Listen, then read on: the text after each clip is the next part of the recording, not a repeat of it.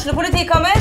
Ine Jansen er purk. Er du purk? The motherfucking bitch. Alt jeg vil, er å finne ut hva som skjedde med mannen min. Jon Carew. Er jeg sikta for noe? Iben Akeli. Det er du. Ole So, Lars Berrum og Big Daddy Karsten. Hvem sin side er du på, egentlig? Anette Hoff, Tone Danielsen, Kommer du fra Afrika? Jørnis Josef, Nesten. Kløfta. Trond Espen Seim, Det er synd å si det, men det var feil mann som døde. Purk. Premiere tirsdag på TV2 Play. Hei, og velkommen til en ny episode av Debrif med Dag Sørås. Det her er jo primært en, eh, en monologpodkast, hvor jeg jobber om eh, uka som har gått, både på den, private og den globale fronten. Eh, Men av og til så eh, inviterer jeg en gjest i studio, eh, og det her er en person som jeg føler har noe interessant å komme med.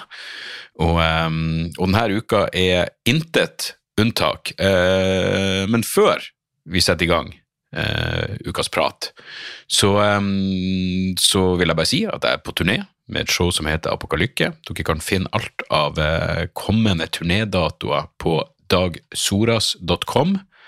Men i den umiddelbare fremtid så kommer jeg til Hamar 3. november, Bergen Forum Scene 4. november, jeg kommer til Mandal 10., Kristiansand 11., Kristiansund 17., Frøya 18., og så Oslo Sentrum Scene ekstrashow. Jeg har allerede gjort et show der i april i år, men 23. november klokka 19.30 står jeg på Sentrum Scene. Billettlinker og alt det der er der på dagsoras.com eller apokalykke.no. Så over til praten. Eh, jeg er jo en, eh, en mann som vet å nyte min alkohol. Eh, jeg har alltid vært glad i å drikke.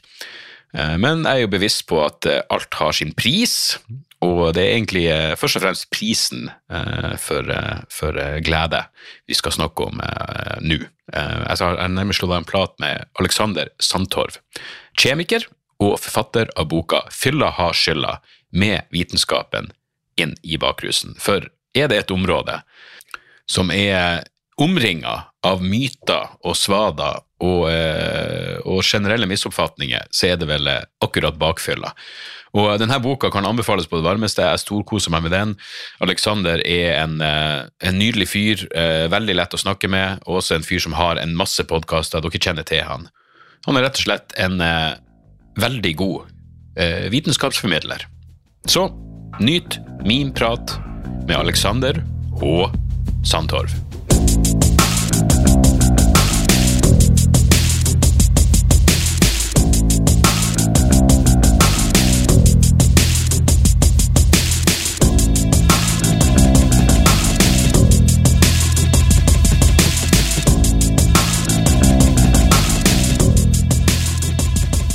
Velkommen til podkasten Alexander H. Samtår. H. Samtår, ja. Tør jeg spørre hva H-en står for? Jeg har lyst til å gjette. Jeg går bare for Henrik. Det kan ikke Ja, være Harry. det kunne vært fint. Ja. Du, det er litt mer regalt. Det er Harald. Harald, ja, ok. Jeg pleier å si at mamma hadde litt sånne eh, Napoleonsgreier. Hadde høy forventning til meg, da. Alexander Harald, sant. Det er jo flott. Ja, du høres eh, om mulig enda mer akademisk ut. ja, ja, det er sant, det. Det er liksom eh, å hete, hete Ole Kåre Jonny. Det er liksom ikke så Nei, det er ikke det samme. Det ikke det da, samme. da tar du en mer eh, realfagsretning, om ikke annet. Du, det er jo eh, eh, Det må faen meg Det kan ikke være langt unna 30 grader ute og null aircondition inne. Ja, så jeg er litt spent på, spent på hvordan jeg kommer jo, Hvis jeg skulle beskrevet oss nå, så er det to svette menn som sitter her. Veldig, veldig, veldig, veldig svett. Du, eh, jeg, jeg vil tro du er landets fremste rikskjemiker. Er du den eneste òg? Eneste kjemikeren i Norge. Det Nei, eneste som liksom eh, driver og så aktivt populariserer. Ja, eller eh, Jeg er nok ikke den eneste, nei, men eh, de aller fleste kjemikere er ikke så på den formidlingsbiten som jeg er. Jeg eh, har jo på ganske kort tid funnet ut at det er det jeg vil med livet mitt. Jeg var jo ansatt ved Universitetet i Oslo før, og det med forskning og alt det der. Eh, og vi har jo altså Det er jo andre kjemikere som er med på en sak og to, men jeg har nok gått veldig og systematisert og gjort det mye større og i hvert fall åpnet opp sånn at uh, allmennheten altså folk flest, Ja. kan forstå og glede seg over hvor kult kjemi er. Ja. Så jeg har fått det stempelet rikskjemiker, da. Jeg synes det er veldig fint, men det, det er noen som tror at det er jeg som har funnet på det. Ja. er sånn brandingforsøk. Det er det ikke. Oh, ja, okay. Bare sånn det er sagt. Jeg må ærlig innrømme at jeg gikk i den fella. Jeg trodde det var du som var clever Ja, der. jeg eier det jo selvfølgelig, men eh, det er andre som skrev det først. Tenkte, jeg, ja, det var ikke så dumt. Ja, nei, for all del. Du, jeg, jeg husker at jeg leste at uh, godeste Carl Sagen uh, tilbake i sin tid, han, han ble uh, gjort narr av, av, av andre vitenskapsfolk fordi han driver og populariserte eh, astronomi, må det vel ha vært. Eh, men nå virker det som vi egentlig er en gullalder for populærvitenskap. Ja, det kan du si. Eh, det kan se sånn ut, ja. Eh, men jeg opplevde jo det. Mm. Du gjorde det, ja? Ja, ja, ja. ja. Nei, det var en, det var en hard krangel, det. Eh, og iallfall på en måte med det å skulle gjøre min Altså, kjemi er jo en tung, tung vitenskap. og akademisk fryktelig gammel. Og i på en måte de akademiske miljøene så er jo den overvekt med 60 pluss. Eh, og konservativt as fuck, om jeg får lov å si det sjøl. Ja. Og når jeg da skulle liksom komme inn som en litt sånn moromann og gjøre det litt sånn gøy og sånn, og litt løst i snippen, vet du, det var ikke populært alltid. Så jeg har hatt en del sånne her problemer internt uh, når jeg var i akademia sjøl. Uh, utad sitter folk veldig pris på det, men innad er det nok ikke helt sånn at uh, det var så mye pluss i margen, nei. Nei. Du, jeg har invitert deg fordi du har skrevet bok som heter 'Fylla og skylda' med vitenskapen inn i bakrusen. og eh, bare rett og slett For å være profesjonell så føler jeg at jeg er i sånn passende, passende form for akkurat det. Men, men eh, eh, hvem var egentlig målgruppa for denne boka? For Den er jo, eh, den er jo informativ, men også lettlest.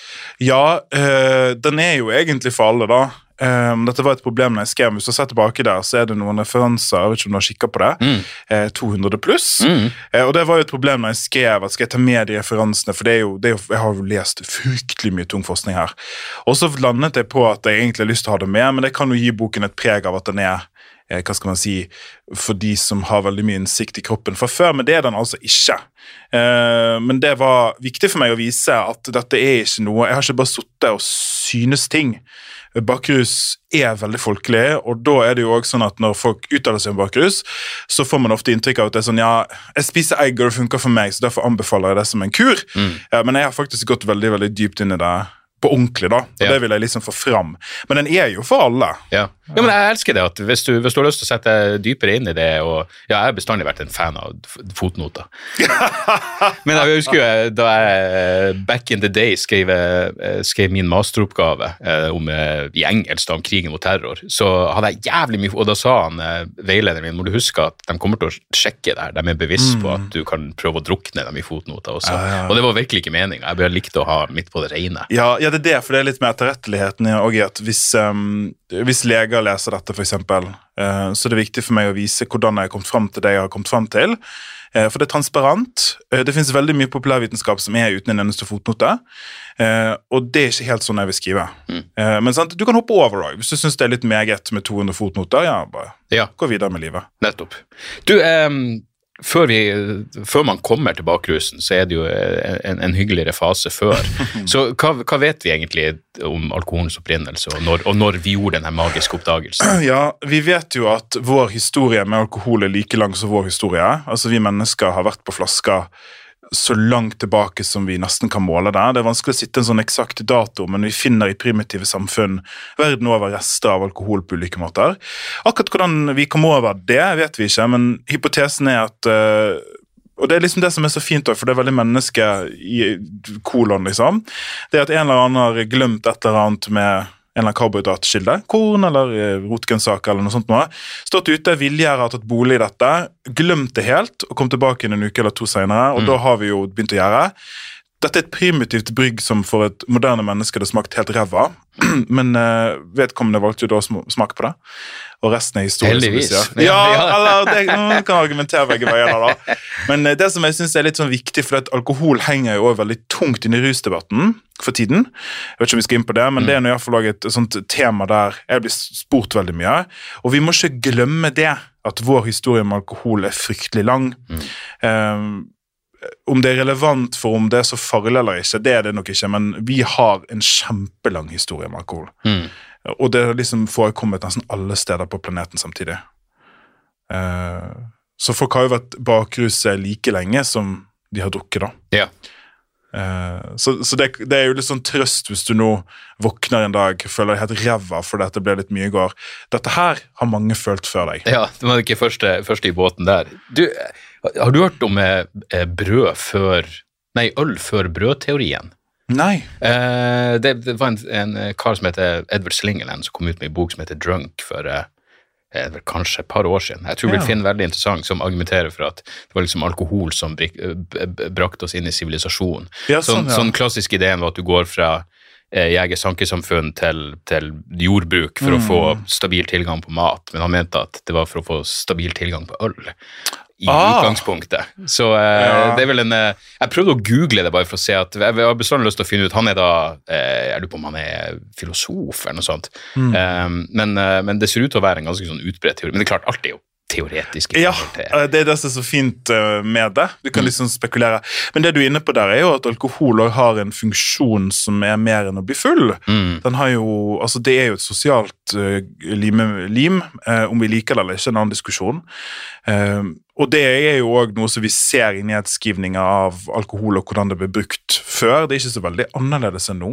Det er fest, Mm. det er en del sånn religiøse riter og åndelighet og sånne ting. Eh, og vi har kanskje luket alkoholen mer ut av det åndelige Ja. i moderne tid, men festen har vi beholdt. Ja, At det var mer eh, de, eh, alkoholkonsum var forbundet med en eller annen form for ritual tidligere. Ja. Mm. Mm. Eh, den, er også uh, at eh, preste, presteversjonen kan man det var I den religionen har hun brukt det eksempel til å behandle sykdommer, uh, og liksom at det har hatt en sånn uh, en symbolsk verdi, da. Mm. Og det har jo på en måte de katolske beholdt litt, med Jesus blod. ja, nettopp. Og i likhet med ja, en del andre rusmiddel, så, så både da på å si, våre stamfe, altså primater og andre dyr eh, er jo også glad i å, å ruse seg egentlig generelt. Ja, det er fin, en flott historie fra det er fra i fjor eller året før, med en drita full elg i Halden. Det er alltid Halden det skjer. Eh, som herjer Halden da, sentrum, fordi at denne elgen hadde da eh, fått tak i fallen høstfrukt, som begynner å gjøre naturlig. Det er masse sukker i seg.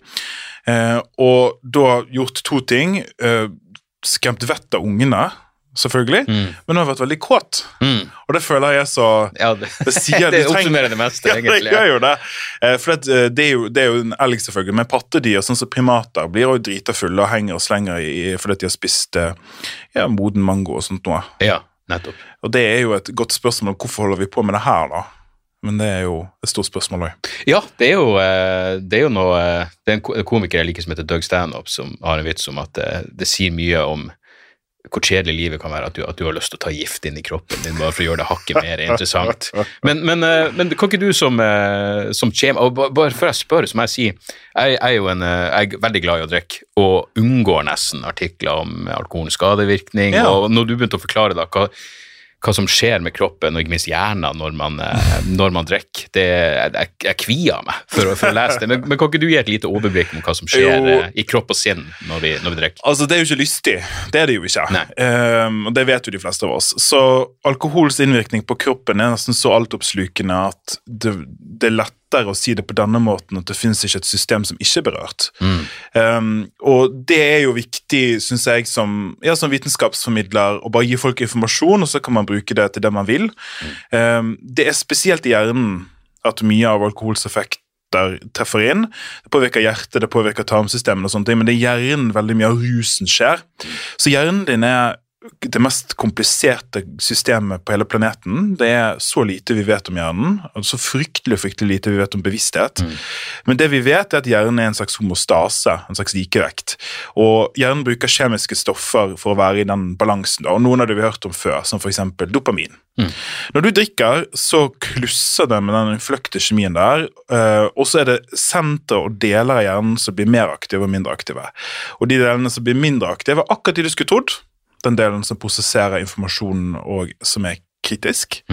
Den delen som er selvevaluerende. Ja. Ja, så, det så det ikke en overraskelse for noen. Um, og jo mer du drikker, altså det er en veldig sånn tydelig doserespons, jo mer du drikker, jo sterkere blir effekten. Ja. Så når du tror at du er verdens morsomste person, når du står der i baren og snakker med random folk, uh, så er du jo ikke det. men hjernen din, den delen som ser på deg sjøl, har begynt å skusse seg av. Mm. Og så har jo du òg sånne ting som impulser. Du blir fryktelig impulsiv. Eller noen blir iallfall veldig mye mer impulsiv. Eh, Du er dårligere på å tenke framover, så når du nå er edru, forhåpentligvis, hvis du hører på dette, det er veldig kjedelig å høre på hvis du er full, men hvis du nå er edru, så driver du og tenker framover i tid. Hvis jeg sier sånn, nei, det er ikke noe lurt å si fordi det er et slags sjakkspill som du holder på med, og det går ut av ligningen. Mm. Så derfor kan du si utrolig teite ting. Du kan gjøre utrolig teite ting. Eh, noen blir mer voldelige. Dette er lite forstått, eh, men det er noe latent som ligger i visse mennesker. Det er dypt psykologisk, dette her. Hvor du kan da bli farlig, rett og slett, som er en mørk side av alkohol. Eh, det med kåthet syns jeg er veldig interessant. Ja. Eh, fordi at mange kjenner seg kanskje igjen at de blir, om ikke kåtere, så iallfall mer villige til å ha sex. Mm. Og gjerne risikofylt sex, dvs. Si med en fremmed person. Eh, kanskje i skauen, kanskje i Ja, ok, nå snakker jeg litt av erfaring her. Jo, men for all del. Lov å være selvbiografisk. Ja, det har skjedd med menneskeheten at noe sånt nå har skjedd. Eh, men det som også er litt interessant, det er at eh, så selv om den delen av hjernen din som gjør impulskontroll har skudd seg av, sånn at du lettere kan eh, ha en situasjon der du har sex med en fremmed, f.eks., så er ikke det sånn at uh, organene dine Kjønnsorganene dine Henger med på. Nettopp. Og det henger med et bra ord her. Fordi at uh, menn spesielt uh, Dette er vitenskapelig bevist, altså funker dårligere på alkohol. Mm. Både sånn prestasjonsmessig, men også nytelsesmessig. Det finnes et flott eksperiment der man tar en sånn her pumpeting på penis. Ja. Eh, så la meg fortelle deg hva som skjer når du kommer. Dag. Det, ja, det er fint. Eh, penisen begynner å trekke seg sammen. 45, det er aldri for sent å lære. Eh, penisen begynner å trekke seg sammen rytmisk når du har en orgasme. Og Jo sterkere de vibrasjonene er, jo sterkere er orgasmen. Mm. Så dette kan du faktisk måle, da, hvor sterk er orgasmen. Og når menn drikker, da, så blir disse vibrasjonene platte. Ja. Så det er mer sånn ja. Ja. Bare få det unnagjort. Ja, det er mer sånn en slags tøm. Ja. Ja. ja, nei, for all del. Men, ok, men da må jeg bare skyte inn. Kåtere i bakfylla, er det vanlig? Det er vanlig, Mm. men den, jeg har ikke funnet noen forklaring på hvorfor. Men det er noe som veldig mange sier. Eh, men det gir liksom Den eneste hypotesen jeg har, dette er ikke vitenskapelig, altså ingen fotnoter her, Mm. det er at eh, det er så krisetilstand at kroppen tror at det er over. Oh, ja, så la oss en siste Siste forsøk på å få de genene videre, men Ja. altså det er ikke vitenskapelig. da. Ja, ok.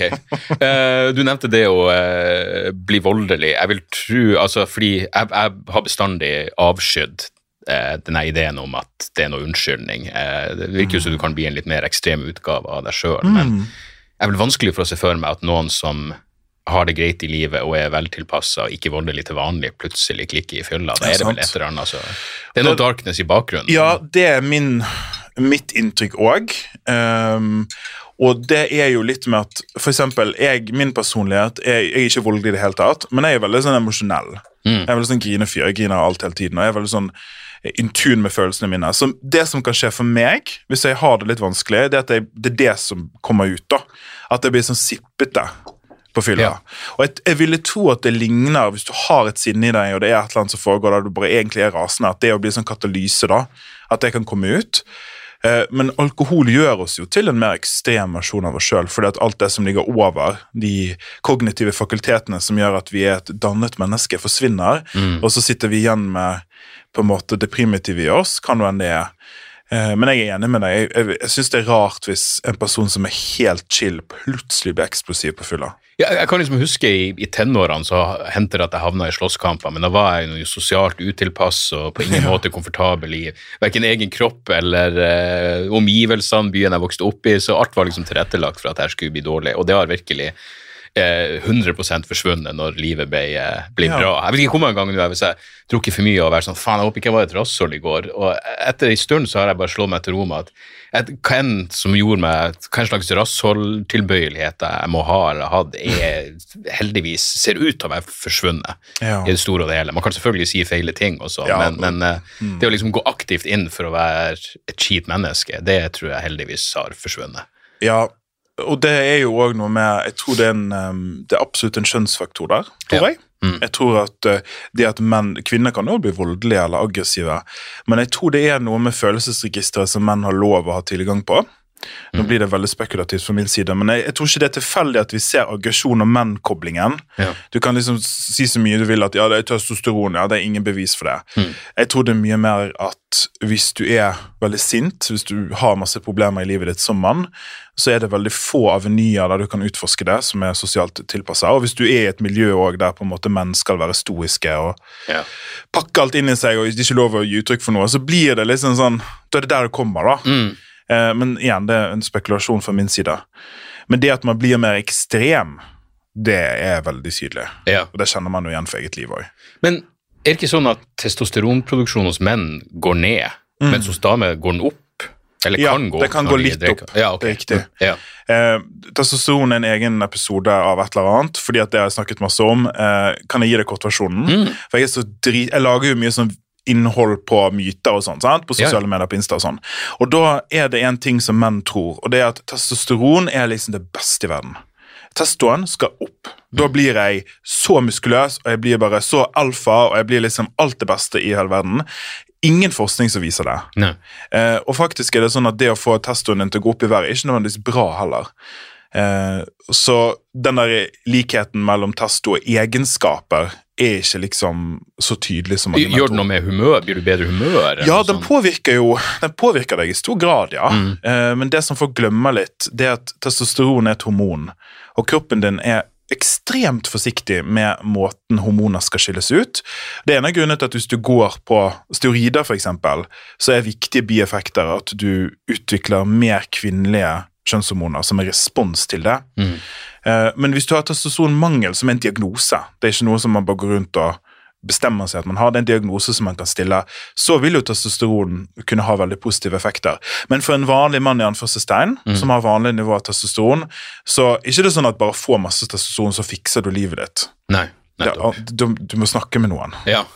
ja jeg jeg, jeg stussa så mange ganger på det der Ja, når du det, Hvis det skjer et eller annet, gud forby det er en kjendis eller noe, men noen gjør noe idiotiske fyller så Ja, det har sånn- ikke skjedd noen eksempler på det i Nei, nyere det, tid. det, det bestandig nei, Nei, men de, må, de bør kanskje revurdere sitt forhold til alkohol. Og til en viss, Ja. Mm. det er Absolutt, for all del, men samtidig tenker jeg sånn det er noe dypere du burde revurdere. Ja. Og det er selvfølgelig min sånn bias mot at du skal kunne fortsette. Altså, og, Uten å gå på spesifikke ting, la oss si at det var en kjendis som i nyere tid dreit seg veldig ut på fylla, da, helt hypotetisk, så fikk jeg veldig mange telefoner av pressen Mm. Eh, som ville at jeg skulle uttale meg om det. Og da var spørsmålet som bestilt, er det sånn, er det en unnskyldning? ja. Sant? Det er akkurat det vi er inne på nå. Er det en unnskyldning? Og jeg nektet å være med på den saken, for jeg tror at uansett hva jeg sier, så blir det feil. ja, absolutt. Så det er bare sånn, nei, det kan ikke jeg være med på. Men jeg òg tror, dette er min mening basert på det jeg har lest, og det jeg kan om alkohol, det er at hvis du blir et monster på fylla og gjør helt jævlige ting mot deg sjøl eller andre, så er det noe annet som ligger bak. Mm. Og jeg tror at hvis du tar en person som er helt harmonisk og har det bra med seg sjøl og har det bra med andre, og gir de alkohol, så er det helt usannsynlig at det mennesket blir et monster bare sånn Mm. ut av det blå. Så jeg er helt enig. Jeg tror det er noe annet som kommer ut. Ja, jeg, jeg kjenner jo folk som slutta å drikke fordi de var problemdrikkere og eh, Mm. havna i trøbbel og alt sånt der, og som liksom har gått ja, i noen tilfeller 10-15 år uten å drikke. Jeg har liksom sagt til deg sånn, jeg, jeg kommer aldri Jeg har så full respekt for eh, det valget du har tatt, og jeg er glad på dine vegne, men av og til så tenker jeg sånn rent eksperimentelt så hadde det vært interessant å se om de kunne begynne å drikke igjen og faktisk klare å gjøre det på, med mer måtehold. Ja, det er jo også genetiske faktorer i dette. Det er det, ja. Eh, Ja. ja, ja, altså noen, Dette med alkoholisme, eksempel. Ja, for jeg, jeg, det var en del av meg som bare innbilte meg at det egentlig var en, myte, at det var noe, at, at det er noen som bare eh, Er det virkelig sånn for noen at det er liksom én drink, og så er du eh, Det er vanskelig for meg å si, Ja. sant. Men eh, det vi vet, det er at om du blir alkoholiker eh, Det er mange faktorer som spiller inn. Mm. Men én av de er nok genetisk. Ja. Eh, og det betyr ikke for eksempel, hvis du har den genetiske variasjonen som gjør at du er mer tilbøyelig, betyr ikke at du blir alkoholiker. Det er ikke sånn gener funker. sant? Men du har, hvis vi tar hele populasjonen og ser under ett, så vil vi se at en liten prosent her har liksom noen variasjoner som gjør det mer sånn uh, lettere på en eller annen måte. da. Uh, og jeg tror at Når vi snakker om avhengighet, når vi snakker om farlig rusbruk Det er utover alkohol også, det gjelder andre rusmidler òg. Så tror jeg at over tid så vil vi se at grunnen til at det skjer, det er nok i stor grad psykologisk, men òg at det finnes visse sånne genvariasjoner som gjør det lettere å skli ut. Og det, Hvis du tar det eksperimentet ditt da, og gir alkohol til en person som ikke har drukket på 15 år, jeg tror det er katastrofe. Ja. Jeg tror det er liksom Ja, at du kan svart nå går rett tilbake Ja, til tidlig. Ja, for det, det er da jeg tenker sånn, hvordan, For jeg er ikke engang 100% sikker på at jeg er sikker på definisjonen av alkoholiker. fordi, Men da er det jo et eller annet Selvfølgelig, det må være utenfor din kontroll. Eh, det må være det at du ikke klarer å la være. fordi jeg har jo noen gang tenkt sånn eh, liksom jeg, jeg har vært en hard drikker såpass lenge at hvis alkoholismen skulle slå inn, så ville jeg tro at den hadde gjort det til nå. Ja. Så i den grad Jeg har, jeg har i hvert fall ikke noe, jeg har ikke noe gene, liksom, som, som jeg vet om. Jeg har ingen, mm. Ikke det at gener nødvendigvis er noen unnskyldning heller, men jeg liksom, det, det vil i 100 være mitt valg, men da er det altså folk som Det er utenfor deres kontroll. Det er vanskelig å si det òg, for hva er kontroll, da? Ja. sant? Men jeg tror, jeg, tror ikke, jeg tror ikke noen argumenterer for at de som har disse genetiske variasjonene, at de ikke har ansvar, for det har man Nei alltid. Men det er iallfall for mitt vedkommende en del av å, å forstå et, en helhet. da. Eh, og liksom, Så er jo det arv og miljø, sant? Mm. og det er hvis du det er psykologi i det, og det er, hvis du spør folk som har vært rusmisbrukere, spesielt alkoholikere som har kommet seg tilbake igjen, da, hvorfor drakk du, så får du like mange forskjellige versjoner som det er mennesker. Eh, men det er jo, vi har jo lyst på en god forklaring på det.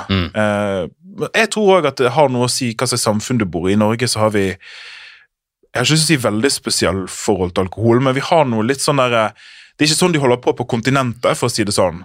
I Norge så drikker vi gjennomsnittlig rett under syv liter ren alkohol i året. Som er lavt på verdensbasis. Det er lavt på Ja. verdensbasis. Eh, Russland er på tolv liter, tror jeg. Det er ikke noe overraskelse. Nei. Men nede på kontinentet, da, tenk Italia, tenk Frankrike, tenk Portugal og sånn, Spania, så drikker man hva er det, 8-9-10, Mm. eh, men man drikker på en helt annen måte. Og har ganske lang lev, snittalder på Ja. levetid på de som drikker også. Ja, for Altså, alkohol, ja, det er det. Eh, og de drikker på en sånn måte som Dette har man jo sett hvis man har vært på kontinentet sjøl. Mm. det er mye mer hverdag og mye mindre fest. Og når man drikker, så drikker man Jeg kaller det to completion eh, i liten grad. Mm. I Norge dette er en stereotypi, men den er også litt sann. Så skal man drikke hele sin jævla kvote på en helg, og man kan liksom ikke drikke én øl. Altså, Man vil kanskje, men det blir alltid litt mer. Og har du hatt uh, Dette er et sosialt eksperiment som jeg syns NRK skal ta.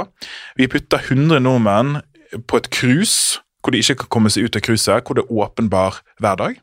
La oss se hva som skjer. Nordmenn er åpenbar. det er altså kokos, bananas. Og det er det ikke i andre land. Det er sikkert noen som er sånn. Jeg har bodd i USA, eksempel. Da er det en helt annen drikkekultur. Ja. Eh, Så for eksempel så er det mye vanligere å ta én øl, ja. og så dra hjem. Eh, og det er masse sånn frie barer og sånn. Det er sånn, sånn profesjonelt. Ikke, folk driver ikke og svever rundt og spyr på do, liksom. Det er interessant, eller det er jo jævlig interessant hva, hva det er med vår kultur. fordi Mm. man, man kan jo selvfølgelig spekulere i Jeg husker Da jeg var ung, så var det liksom eh, ja, Vorspiel var en selvfølge fordi alkoholprisene var så høy, og så Lurer på om det er noe sånn det må være et eller annet sånn latent puritansk, gammelt Jeg tror det. Ja. det er min teori. Ja, som, ja, som gjør at vi, eh, at, at, at vi skal skamme oss. Jeg mener, det har slått meg altså Hver gang jeg har sett en sånn de går på utenlandsdelen av Gardermoen og det er snakker med noen rart. som tar seg pils, er det sånn, ja, det her ville jeg aldri gjort, men nå skal jeg på ferie. Ja, liksom. det er så rart, og det er, sånn der, det er et universelt tegn på at du er på flyplass i Norge. Klokken er 7.30 Ja. på morgenen. Ja. Sitter en gjeng med gubber Ja. på baren, den eneste baren på Gardermoen som er åpen, og drikker pils til frokost. Ja. Og det er så bisart. Og for meg helt sånn utenkelig å gjøre det. Eh, er dette er jo samfunnsforskning mer enn noe annet, og det er jo ikke jeg ekspert på, men mine teorier da, det er at jeg tror på den ene siden så er det noe pietistisk i det. Vi har arvet denne kulturarven eh, der. Og da tror jeg at i Norge så signaliserer alkohol fest. Ikke hver dag. Og i Norge så er det et jævla slit med hverdagen, og du må på jobb, og vi har ikke egentlig så lyst til det. Vi har egentlig lyst til å bare ha fri. Eh, så når da helgen kommer, så skal det markeres. Og da blir alkohol en markør. Nå er det fest, nå er det noe annet. Alkohol gir oss òg egenskapen til å være utenfor oss sjøl. De blir frigjort fra det der litt sånn norske keitetheten som er jo sånn sosialt utilpass. Det blir lettere å snakke med folk. Eh, når eh, andre jeg kjenner som er fra andre land, har bodd i Norge en periode, jeg, hadde en, jeg har en eh, ekskjæreste som er amerikansk, så var det mye sånn En stor kulturkrasj. Det var at hvis det hadde vært fest, så ble han da venn med andre på festen, og så prøvde da å ta opp tråden igjen uken etterpå, akkurat som om de hadde snakket sammen. Ja. Det der er jo et sånt norsk fenomen. Det er et sånt kjemperart fenomen. Ja. Du kan bli bestevenner på fest. Kanskje hilse på deg på gaten hvis jeg ser det dagen etterpå. Så jeg tror det, liksom, det brukes litt som en sånn der ah, Nå kan jeg endelig liksom slippe meg fri fra det som er så vanskelig sosialt. Ja. Jeg maler ikke et veldig positivt bilde av landet mitt nå, jeg Nei. vet det, men ja, men altså, jeg, jeg, jeg kjenner meg jo ekstremt godt igjen i det. Jeg, jeg sier jo Jeg, kødder om det på, når jeg gjør standup, og- men jeg står inne for det at hvis jeg var til vanlig sånn som jeg er etter to drinker, så hadde jeg vært generelt bedre likt. Fordi eh, det er et eller annet med eh, mange, For det første, mange innbiller seg at hvis du hvis du er vant til å snakke foran folk, så må du være utadvendt. ja, det, der er en, ja. det der er en rar ting som folk tror. ganske, jeg sier bestandig til gjester det er det første gang vi treffes, eh, og alt går fint, og det er ikke noe kleint for meg, men vi har også en spesifikk greie vi skal gjøre. Ja, ja. Vi har et, et spesifikt mål med det her. Hvis jeg bare traff deg på en fest eller et eller annet Det er klart, du har noe kunde, du har noe ting, det er alltid noe å snakke om, men bare sånn til vanlig, hvis jeg havner i samtale med noen, noen andre av foreldrene i Mareritt. Ja, Nightmare. et eller annet nabofest Ja, eller det er noe sånt. så er. Sånn, jeg har ingenting å komme med, men etter et par drinker så er det liksom Men ikke det er rart at folk tror at uh, For du gjør jo ja, standup, Mm. sant? så du er jo på en scene da alle, uh, alle ser på deg, du, men du har jo òg et sett. Ja. Sant? Det, folk skjønner ikke, for jeg òg er jo litt samme typen. sånn, så Jeg gjør jo ja, podkast mye, TV mye. altså Det er ting som er ekstremt utadvendte. Mm. Men jeg har òg en sånn altså Jeg kan, jeg kan skudde på, men det, det batteriet der er, er kort, da. Ja. Så jeg kan være på scenen og være morsom og bla, bla, bla, og jeg kan være veldig sånn varm og få folk i snakk og sånn. Folk Mm. er veldig comfy med meg. Men det å liksom skulle stå Altså, Marit er jo heisen. Ja, ja. Ja, men så, altså, ja da, nei da, hei og hå, tralala. Garderoben, for eksempel. Jeg trener yoga, sånn hot-yoga. Ja. Og da, altså, nå, skal, nå, skal du, nå blir det helt digresjon, du kan klippe ut etterpå. Men da er det sånne gutter som er der. Og jeg er ikke der for å snakke med dem. Du sa hot yoga? Hot altså, yoga, ja. ja. sånn, eh, like varmt som det er i rommet nå. Nettopp. 40 grader. Ja. Uh, og jeg er der for å trene, uh, og jeg er ikke noe interessert i å bli kjent med noen. Sorry. Yeah. Det er bare sånn, jeg, det er ikke, jeg vil ikke det. Snakker litt med yogalæreren, hei og hå og sånn, sier hei og nikker og sånn, det er ikke noe, noe sånt, men jeg, jeg er ikke noe interessert i livene til de andre. Sorry. Mm. Men, å, fy faen så de chatrer. Og det er sånn der, ja, og det skal være sånn der, eh, det skal være sånn god stemning i garderoben Ja. før og etterpå. Og etter yoga så er jeg utsett, og da skal jeg bare ha min zen. Da skal jeg være i mitt lille hode, Mm. mitt store hode, og ha det godt der. Men den der småpraten der, det er sånn Jeg klarer ikke å fe... Det er så, det er så, det er så negler på en tavle. Det er så skjærende for meg. Selv om jeg da kan sitte på en scene seinere på dagen foran et publikum på 200 og plapre i vei, Mm. så er det så vanskelig for meg. ja. Og det er akkurat det du sier, at hvis jeg da hadde drukket to øl, Mm. så hadde det gått mye lettere. ja. For da er, det, da er alt litt lugnere, og det er sånn, ja, ja du har sånn spesielt soverytme, fordi jeg jobber som biohacking, og det er mye sånt, sant? Mm. Og du har et spesielt soveregime, og ja, du, du har sånn neseteip, og ja, gud, hvor spennende, Ja, sant? Det, det går sånn som det der. Men, men du holder ikke på med det? Nei, nei, Nei. Jeg er en veldig kjedelig person. Ja. Jeg Jeg, jeg, tror ikke, jeg, tror ikke du er en kjedelig person fordi du ikke teiper igjen eh, kjeften din når du legger deg Så. Jeg lagde nettopp en, en video på det. Ah, ok, Eh, ja. ja, jeg lå ute i, i går et eller annet, og da er det jo der jeg liksom ser på vitenskapen, sant? Ja, ja. Og vitenskapen, Gud forby når det kommer til akkurat sånne her ting. Folk blir så sint. Ja. Folk blir så sint. Ja. Eh, og alltid når jeg debunker spesielt sånne her trendy ting, så får jeg innboksen min full av sånne derre eh, Det her funker så bra for meg, og det har endret mitt liv. Og Mm. før så var jeg et vrak, og nå har jeg blitt et mye bedre menneske, for jeg teiper munnen min hver natt. Og det kan ikke du si til meg, ikke sant? Så bare, nei, men jeg sier ikke at det ikke er sant. Nei. Nei, kan du, du kan få ha det i fred. Ja, ja, ja. Det, det, er akkurat som folk tror bare fordi du du, du sier at det er ikke noe evidens for det her, så skal man nekte dem å gjøre det. Nei. Men det er det klassiske, hvis du bare prøvde det her, så vil du se Ja, for det sier de. Det, det beviser jo ikke en dritt. Nei, det er jo det klassiske eksempelet på antivitenskap. Ja. N er lik én. Mm. Person syns det funket. Eh, ja, nå blir det en digresjon, Ja. men ja. mhm. Du er digresjon er det beste. ja. Ok, for det er jeg god på. Ja. Det er litt for mye, mange år med pod, vet du. Det er bare å skli helt ut. Jo, nei, men for all del. Det, det er verre hvis jeg, må, eh, hvis jeg må slavisk følge Det er også det som er utfordringen med å gjøre det. Nå vet jeg jo at du kan snakke, men av og til så får jeg, har jeg jo hatt noen sånne akademikertyper som ikke nødvendigvis Og da er det veldig saklig. De svarer på det spørsmålet de får, og så er det neste spørsmål. Den sektoren der har jeg jobbet i, og apropos cringe small talk Ja. altså Fy fader, så mye sånt det er. Når jeg jobbet på Universitetet i Oslo, uten å henge ut noen personer her, så er det altså Jeg har sittet i sånne møter og bare jeg har lyst til å klore ut øynene mine. Mm. For det er altså helt umulig å, å si noe. Mm.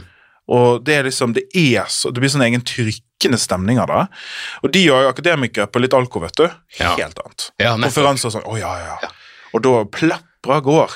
Du, Det slo meg jo eh, mens du prata, eh, at amerikanerne har, har et annet drikkemønster, men der får du det kulturelle greiene igjen. For jeg har vel aldri truffet en amerikaner som ikke er overfladisk befeilende, men veldig sånn sosial, utadgående, og så de slipper liksom egentlig Da må det jo være noe kulturelt betinga i det også. Jeg skulle, jeg, jeg, mener, jeg skulle gjerne vært en sånn person. Jeg husker jeg var eh, for flere Jeg er mye rundt omkring, men det gjorde såpass inntrykk at jeg husker det fortsatt.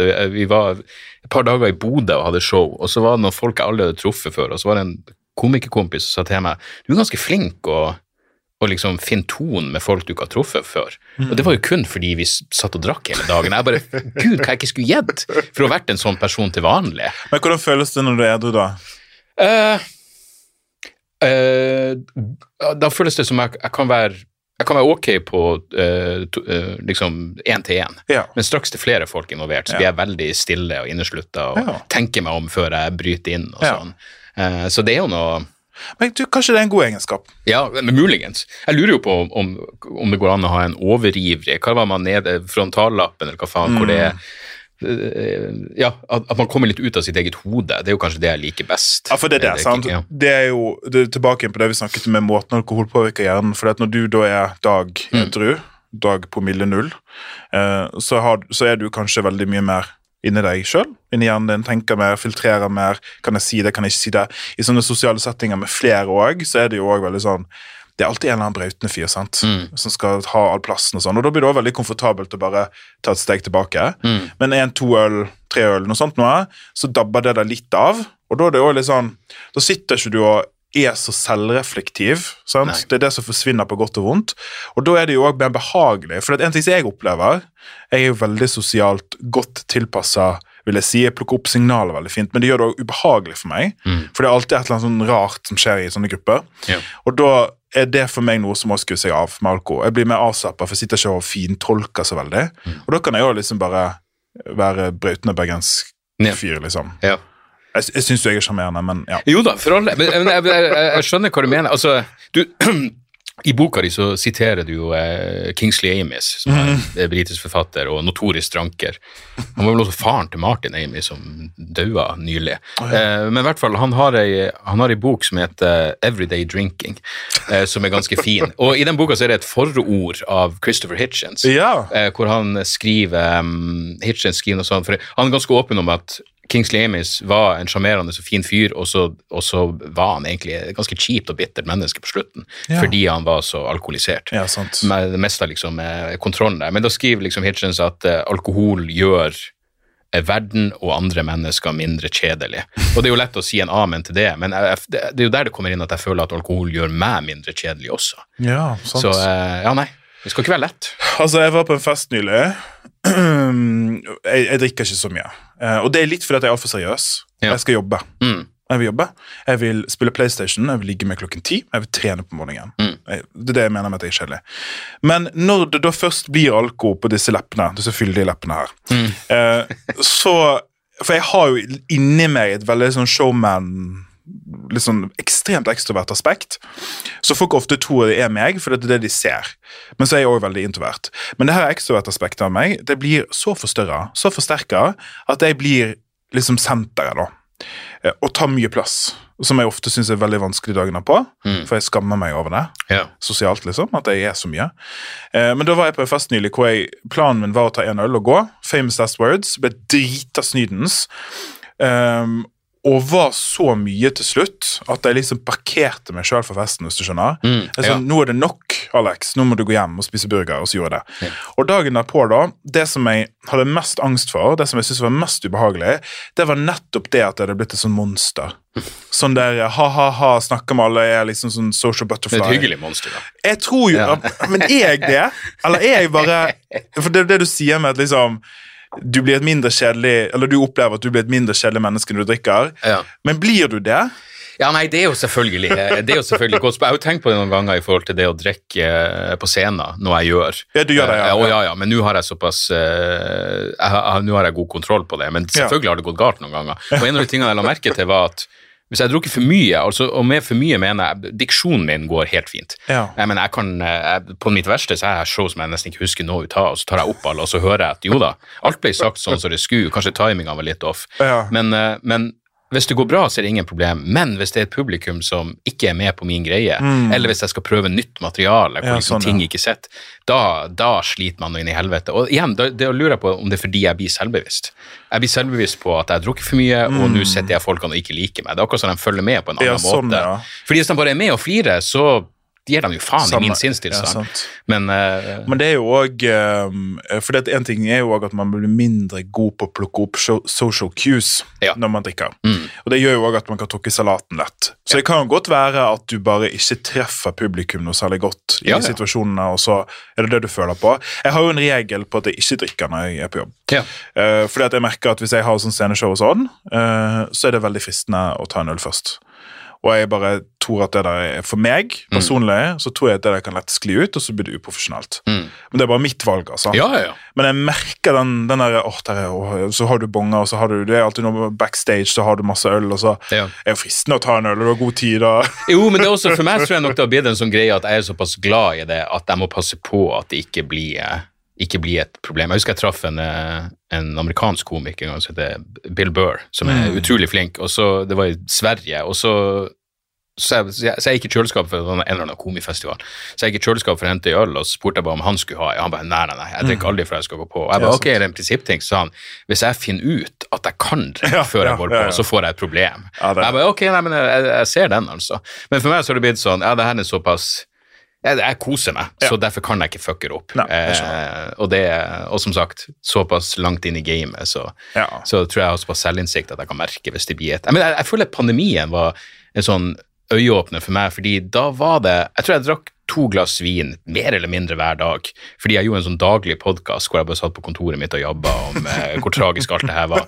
Men det ble en sånn Jeg merka aldri på det enn at nå må jeg ha mer, og Ja. jeg, tror, jeg tror det er den der ja, den følelsen der har jeg heldigvis aldri fått. Det føles Det kan jo være selvfølgelig at jeg er naiv og confirmation bias og alt det der, men det Ja. føles som om som det fortsatt er noe som jeg, som jeg um, forbinder med kos og ha det gøy. Jeg prøver å unngå å drikke hvis jeg er lei meg, hvis jeg er deppa. Ja. Det der å ta edgen av en dårlig situasjon, Ja. det funker ikke for meg. Nei. Eh, da, da blir jeg sippete også. Ja, ja, sant, og det er ingen som gidder. Nei, nei, nei, absolutt ikke. Absolutt ikke. Men du, la meg spørre deg.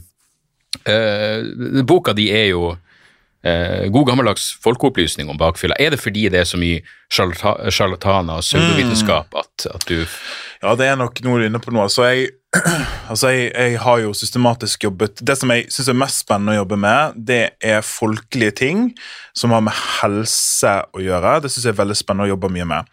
Eh, Og grunnen til det, det er fordi at vi lever i en, en sånn dystopi hvor hvem som helst kan ha 100 000 følgere på Insta og ligge ut hva som helst. Um, og det er veldig ødeleggende. Det er veldig ødeleggende fordi at folk får et helt feil bilde av sin egen kropp og sin egen helse. Og det er veldig ødeleggende fordi at de aller fleste som lager den type stoff, vil tjene penger. Uh, så da har de noe å selge. Hey guys, welcome to my channel. Ja, ja. Have you tried this antioxidant spray? Sånn. Uh, bakrus er ikke så veldig kommersialisert i Norge. Det er ikke så veldig mange måter å tjene penger på det. Men grunnen til at jeg ville ta det som emne, er fordi at det er noe som vi snakker mye om, men ingen Det er sånn viskelek. Vi hører sånn masse myter og sånn, så vi bare får inn jeg vet ikke, osmose, kulturell osmose. Og så sier vi det til hverandre hele tiden, og så tror vi at det er sant, men det er ingen som liksom er sånn Ja, er det sant? Nei. Så jeg hadde sånn øyeblikk når jeg liksom gikk inn i dette prosjektet der jeg var sånn Nå skal jeg gå inn i dette med åpent sinn, og så skal jeg bare være så objektiv som mulig og prøve å finne ut er det sant, alle disse tingene vi sier. Eh, og så ble det veldig spennende, fordi at den informasjonen er jo relevant for alle. Eh, jeg tror ikke det er noen som endrer drikkemønster etter å ha lest eh, denne boken, men jeg tror mye er litt sånn aha. Å ja, Mm. det var bare tull. Eller, For det er mye tull. Absolutt. Eh, mye tull. Jeg, men, jeg, jeg ble ærlig talt eh, Jeg ser jo på meg som en, et kritisk tenkende menneske, men jeg må innrømme at det var et par av de mytene som jeg bare tok som en selvfølge. Ja, samme her. Eh, Blant annet at dehydrering ikke er det som gjør deg bakfull. Er ikke det sjokk? Det er et jævla sjokk. Ja, det er et sjokk. Det var et sjokk for meg òg. Vi, altså dehydrering jeg, Dette sier jeg litt på kødd. Nå tar du litt vann. Ja. Det passer bra. Apropos dehydrering. Ja. Dette sier jeg litt på kødd, men òg litt sant. Er at I Norge så har vi en fetisj for dehydrering. Vi tror alt er dehydrering. Ja. De er så glad i det. Du blir så dehydrert av kaffe, du blir så dehydrert av buss. Vi er så kronisk dehydrerte. Drikk vann, drikk vann, drikk vann. Drikk vann. Drikk vann, Gjør det. Det er kjempesunt for deg. Men uh, det er ikke sånn at vi kan si at alle problemer vi har, er pga. dehydrering. Og når det gjelder alkohol, så er det uh, en sånn dyptgående myte at én, vi blir fryktelig dehydrert av alkohol, og to, at uh, bakrusen er delvis eller helt pga. dehydrering. Og begge de to tingene er ikke sann. Vi blir litt dehydrert av alkohol. Det har en sånn eh, stimulerer et hormon som gjør at du tisser mer, men i kontrollerte studier så er den mengden ganske liten. Ikke betydelig nok til at du blir kronisk dehydrert av det. Det er klart, er du på vodka, liksom, men da har du andre problemer. Men tenk øl, da. Det er, hva er det da? 95 vann? Så det er veldig rart hvis hvis du drikker en halvliter og tisser en liter. Det er kjemperart. Ja, ja. Sant? Så de ikke, ja. Det tror jeg man har lagt merke til i løpet av en Ja, og det er jo litt med at Jeg prøver å si det på denne måten at hvis du, hvis du er på øl, da, for eksempel, et godt eksempel, 95 er vann, og du drikker jeg vet ikke, 6 halvlitere, eh, så er det 3 liter væske. Så det er ikke rart du tisser. Eh, I hvilken situasjon i løpet av en kveld drikker du 3 liter væske normalt? 3 liter vann på en kveld? Høres helt bisart ut. Og så er det det med at dagen derpå er av bakrus, og det kan godt være at i noen situasjoner så for det, du har også kanskje danset, du har kanskje plapra mye, du er tørr i munnen. Det er andre faktorer som påvirker dette. Men bakrusens anatomi, eller topologi, er veldig lite bar, uh, dehydrering, altså. Men hodepinen? Ja, hodepinen ja, sant, hodepin og tørr i munnen er typiske symptom. Eh, det er faktisk noen av de vanligste symptomene. Hodepinen er mange grunner til. Uh, for tenk deg hvor mange grunner det er til å ha vondt i hodet, som ikke har med dehydrering å gjøre. Eh, og så har du det med tørr i munnen. Det er jo en klassiker. Jeg blir veldig tørr i munnen. Eh, vi tolker i hverdagen vår tørr i munnen som tørst, for det er det som Sånn er det satt opp i hjernen vår. Men eh, noen av disse stoffene som dannes når alkohol brytes ned, sånn som acetaldehyd, som er en sånn eh, mellomting der, eh, gjør òg at vi blir tørr i munnen. Eh, og så er immunforsvaret vårt involvert, som er ny forskning. Og da kan du få litt sånn eh, nesten betennelsestilstand som kan ja, være tørr i munnen og røde øyne og alt dette her. Så oppsummert, drikk vann for sure. Det er alltid bra. Det er aldri dumt å drikke vann, men du gjør nok feil i å tro at én, du er så fryktelig dehydrert, og to, at bakrusen er pga. dehydrering. Hvor kommer det fra? Har ikke peiling. Nei. Men det er sånn, når jeg gjorde faktasjekkene mine, når jeg jobbet med dette, så finner jeg det en del norske kilder. Altså, Nettaviser er dritglad i dette. Folk elsker det. det. Det gjengis overalt på lav fjøl. Ingen som går litt tilbake og ser hvor, hvor kommer det fra, og er det sant, egentlig. En annen ting, den var vel eh, var det inconclusive, men at eh, bakfylla blir verre med alderen. Ja. Det er sånne ting som jeg bare har drevet og så jeg, jeg henger jo med mange komikere som er yngre enn meg, og mange er jo i slutten av 20-årene. Og, Mm. og liksom, hvis de klager på å bli bakfull Først blir jeg provosert av folk som klager. Det, det er greit å være bakfull, men ikke fuckings klag på det. Altså, da må det ikke så- du henge med meg dagen etterpå. nei, okay, men, jo, men okay, hvis vi, hvis, vi drakk i lag, så kan vi Ja, klage på er litt sånn bonding, Ja, men hvis du bare traff noen som, Ja. som klager på det. Men, men så, så slo det meg faen meg jeg, jeg driver bare og sier at bakfylla mi er verre. Jeg tror virkelig ikke den er den. Jeg tenker tilbake til liksom, Mm. studietida mi. Da var, jeg spydde jo dagen. Jeg, jeg husker ikke sist gang jeg spydde. Eh, og så kan det jo være at jeg bare lærer meg å leve med det, selvfølgelig også. Men, Ja. men spørsmålet mitt er er det ikke noe som, eh, som tilsier at man tåler alkohol mindre jo eldre man blir? Jo, så det er Altså, ja og nei. Det er noen ting i kroppen som blir mer rustent når det gjelder spesifikt alkohol. F.eks. disse enzymene i leveren vår som bryter ned alkohol. Jeg har sett uh, Hva heter de igjen, da? Det er noe sånn hydrogenase etter de enzymene. Eh, og det er noen studier som viser at de eldre mennesker blir de mindre effektive. Og det kan du muligens koble til mer bakrus, men det er ikke så konkluderende at du kan si noe spesifikt. Og vi vet jo at kroppen vår blir dårligere på ting etter hvert som vi blir eldre, men igjen, det er ikke så tydelig når du skal prøve å måle det. Eh, Og prøve å finne konkrete veier eller mekanismer som gjør det sånn. Det nærmeste vi kommer, det er sånne store danske undersøkelser hvor man finner at til en viss grad litt så blir folk mer bakrus, men det ser ut til å ha mye mer med liv og sosiale ting å gjøre. For når du blir eldre i, normalt, i en normal verden, så har du mer ansvar. Du sover generelt dårligere. Mm. Eh, du har unger som du kanskje må passe på. Du har mer ansvar på jobb. Eh, helgene dine er mer fylt med innhold. Eh, fordi at du rett og slett har mer going on.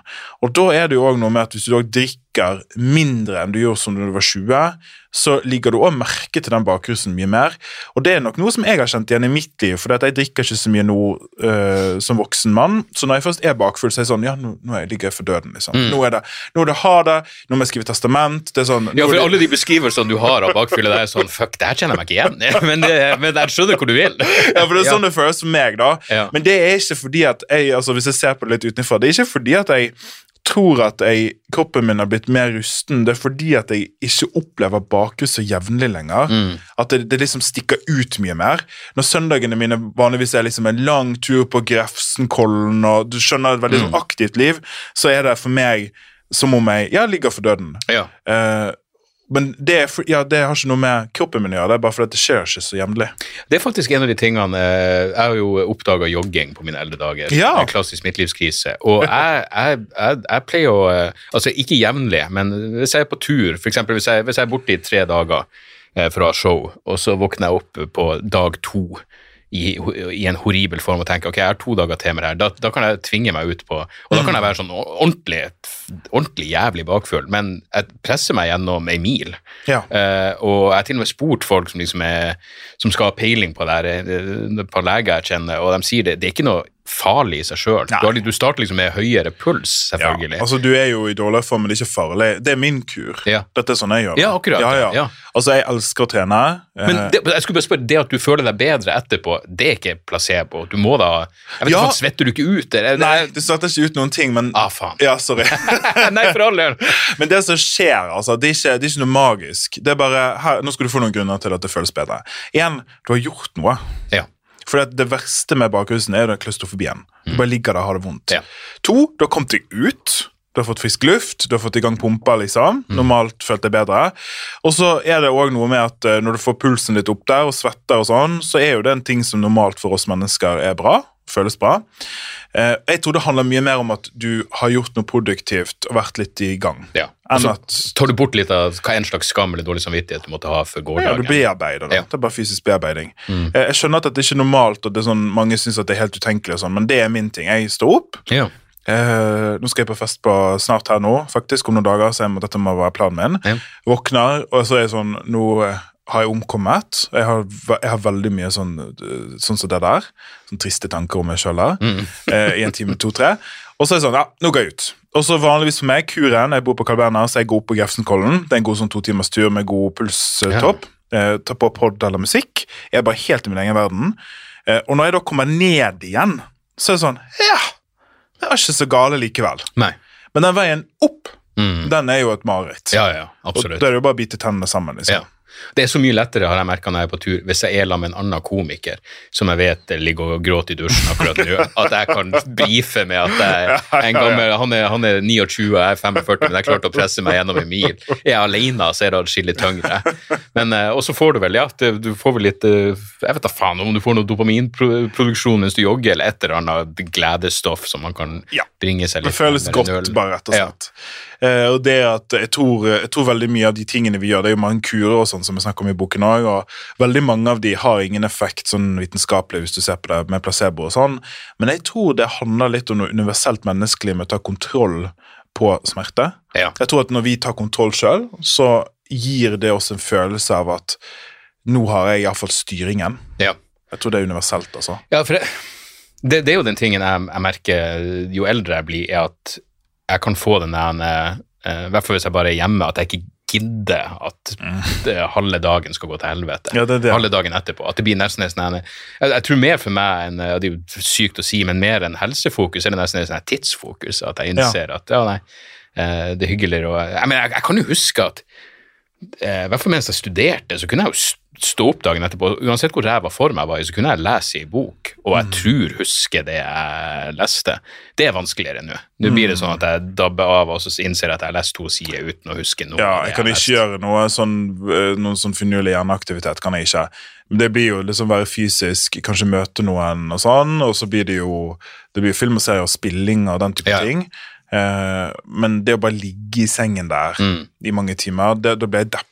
Ja. Det er sånn, hva har livet mitt blitt? Det, det suger etter uh, diverse usunne ting å stappe i kjeften. Det har også en, eh, en naturlig forklaring, har det ikke? Ja, det har jo det, Uh, for det er jo Med kåtheten der er én ting. Å ja, ja, ja. Det, jeg så ikke dobbeltbetydninga der Nei, jeg vet.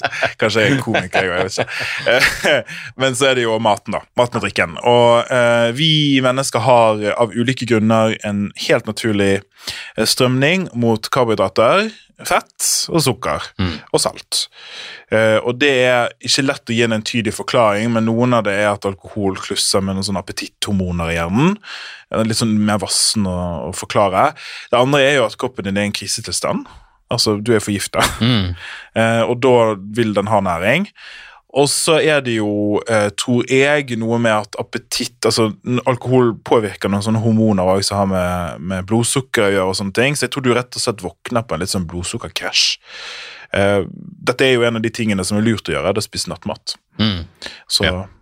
Ja, for jeg husker det er en, sånn, det er en podkast jeg liker som heter Science Versus, og de hadde nylig en episode om bakfylla, hvor deres konklusjon egentlig var at i, i den grad du kan eh, komme bakfylla i for, forkjøp, så må du gjøre nettopp det. Du, altså, det, spis, etter, spis ordentlig på forhånd. Ja. Det der å spise etterpå har egentlig, Dagen etterpå kan du ikke berge eh, Nei. formen med noe jeg har samme konklusjon. Ja.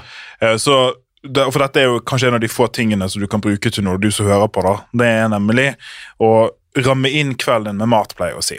Så før du skal drikke, så spis et ordentlig måltid. Eh, ordentlig, hva betyr det? Nei, det er et eller annet som varer litt. Ja. Eh, fordi at jo lenger det er mat i magen din, jo langsommere går promillen opp. Og dette vet jo folk sjøl. Hvis du drikker på tom mage, det er Ja, ja. katastrofe. Så s- invester i deg sjøl, spis et godt måltid der. Og hvis det blir seint, vi er liksom 12, 1, 2, 3, 4, så er det veldig lurt da den maten vekker. Fylle på igjen med mat, sånn at du har det i løpet av natten. Og dette er ikke en magisk kurs å ta vekk bakrusen din, det hadde vært helt urealistisk, men det hjelper litt. Eh, dagen derpå, sånn som du sier, så er skaden skjedd litt, eh, og da handler det mye mer om å bare gi deg sjøl litt kjærlighet, rett og slett. Eh, og prøve å bare komme inn igjen i rytmen igjen og bare gå av det som du trenger. Eh, ernæringsfysiologene er jo veldig hard på at man skal spise så sunt og sånn. Jeg er nok litt mer folkelig enn det, så jeg er litt sånn Vet du, spis sjokolade. Det kommer. Ja. Ja. Um, Uh, Nå må jeg bare se om jeg husker rett. Rekkefølgen øl eller vin, for alt det der det er pissprat. Det har ikke noe å si. Men forskjellige typer eh, alkohol har forskjellige resultat dagen Det er sant. Mm. Um, så Jeg var overraska over at gin var såpass høyt oppe på lista over det som gir deg en eh, Ja, hangover. det er jo så, så Forskjellige typer alkohol har effekt på bakrusen, det er riktig. Og dette ser vi i kontrollerte studier. Um, generelt sett, hvis vi tenker på alkoholholdig drikke, så er den reneste i anførselstegn kjemisk ren eh, alkohol vodka. Det er alko og vann. Og øl er alko og vann pluss masse smak og aromastoffer. Og whisky, sant, så går det bortover her. Generelt, jo mørkere det er, eh, jo verre er det, for dette inneholder også masse stoffer som gir det smak og aroma. Det er det som gjør whisky til whisky. Det hadde ikke vært noe gøy hvis de stoffene ikke var der. Men det vi ser det er at når dette går gjennom systemet ditt, så er det spor av masse andre sånne stoffer, og det er litt tungt for leveren. Det må fordøyes der, sammen med alkoholen. Og generelt, jo mer det er av de mørkere drikkevarene, jo verre blir hangoveren, fordi at det òg henger sammen en del sånn her Kroppen din har slitt med en del av de andre stoffene. Eh, det verste av alt jeg fant, er pærebrandy. Ingen drikker det, takk og lov. Men det er et sånt eksempel på, et, eh, på en alko som har masse sånne andre stoffer i seg. da. Mm. Eh, så for eksempel hvitvin er bedre enn rødvin. Eh, vodka er bedre enn whisky, osv. Ja. Eh, gin er litt høyt oppe, men det er nok fordi at det òg er jo et ekstrakt, sant? så det inneholder veldig mye smaks- og duftstoffer som gjør gin til gin. ja. Uh, som også bidrar. Men disse, disse kontrollerte studiene må, må du huske er når folk bare drikker det. ja. Det er veldig, Nei, nettopp. ja, det er veldig urealistisk å være på en whiskyfylla. Jeg vet det kan skje, Mm. jeg vet det har skjedd, men sånn jevnt over Det er veldig få som begynner Kun på, ja. ja, Ja, du, du, du, har jo, du nevner jo også uh, utfordringer med metodikk i Ja. de studiene. Um, um, Ja, nei, altså jeg, jeg slår jo et slag for uh, Jeg prøver å spre ord om eh, det som så fint heter gin Ricky, som bare er go, Hvis du har god gin, men bare med Farris, altså med ikke Vet det, det skulle vi hatt nå. ja, det har vært kjempedeilig altså. kjempedeilig Det, nå. det, og det er så, Klokken er og da får Jo, nei, men er for all del, herregud, klokka ett, ja. Nei, det er jo skam at man sitter der uten å Vi skal til en fri bar her, vet du, i studio. Ja, ja nei. Nei, hvis, min- hvis vi tar neste prat hjemme hos meg, Ja. så skal du få art, art, art, du måtte, art du måtte be om. Jeg har eh, min uh, ting, for jeg tror vi glemmer litt det personlige aspektet. Og det at, uh, altså Folk har preferanser når det gjelder hva de drikker. Sånn, sant? For eksempel, jeg kan aldri ha en fest på øl. Jeg er, glad, jeg er glad i en god øl, men jeg blir for mett. Ja, Samme Blir her. jeg sånn, brrr, sitter og raper, liksom. Mm. Um, så jeg må ha sånn hvitvin. Da blir jeg sånn skikkelig morsom. Ja. Da blir jeg bare helt herlig, faktisk. Mm. Uh, og så uh, Det som òg er litt sånn uh, lurt her, det er at hvis du skal um, Hvis du skal komponere rusen din sånn at bakrusen blir best, så kan du gjøre veldig mye med promillestigningen din. Ja. Og det verste Shots er det verste. Ja. så hvis du kunne nå plottet promillen din i løpet av natten Tar du shots, da, så er jo det ren alkohol rett i fletta, liksom. Da går promillen rett i været, og det er assosiert med en høy grad av bakrus. Så det beste Det er få som klarer dette. Jeg feiler på det ofte òg. Det har jevn og langsom promillestigning opp, jevn og langsom promillestigning ned. Og den maksen der den skal være så lav som mulig. Mm. Men praktisk for deg så betyr det at du eksempel drikker én til to enheter i timen, som er veldig lite, faktisk, Ja, mm. eh, hele kvelden, og at du slutter klokka elleve. Ja. Og at du ligger der klokka fire. At Du, det, er, det er det eneste Hvis jeg har noe gående for meg i forhold til det her, så er det jeg, jeg kan starte tidlig, men jeg gir meg tidlig også. Ja, det er lurt. Eh, men eh, jeg husker ikke om du er inne på det, men den her ideen om å legge seg på stigende rus Jo, så vidt ja. innom det. Det er katastrofe. Ja. Uh, og det trenger ikke vi forskning, for det tror jeg alle kjenner seg igjen i. ja. Jeg har faktisk, Når du sier at man er forgifta, jeg har jo hatt eh, fordi du prater om eh, Ja, for det første, det, det, det, her kommer jo an på hva, du, hva man mener med funke, men jeg ble litt eh, over at du skrev at reparering ikke funker. Her er det som funker for meg. Hvis jeg, hvis jeg våkner opp i en horribel tilstand og skal reise hjem, Mm. så jeg tar et par øl på flyplassen og en hvitvin på flyet, Ja. og ikke drikker mer resten av dagen, så går det ganske fint. Eh, det er klart, jeg kunne jo også bare latt være å drikke, Ja. men flyturen ville jo blitt hakket. Jeg pleier å tenke sånn, med tanke på hvor mye jeg hater å fly i bakfylla, så gjør jeg det bemerkelsesverdig ofte. Det er akkurat så dårlig, dårlig langtidskonsekvenstenking der, men eh, det er en form for eksponeringsterapi, ikke, ja, ikke. Altså, reparer, ja, det er det med hva funker. Så reparering er jo også a hair of the dog, som heter.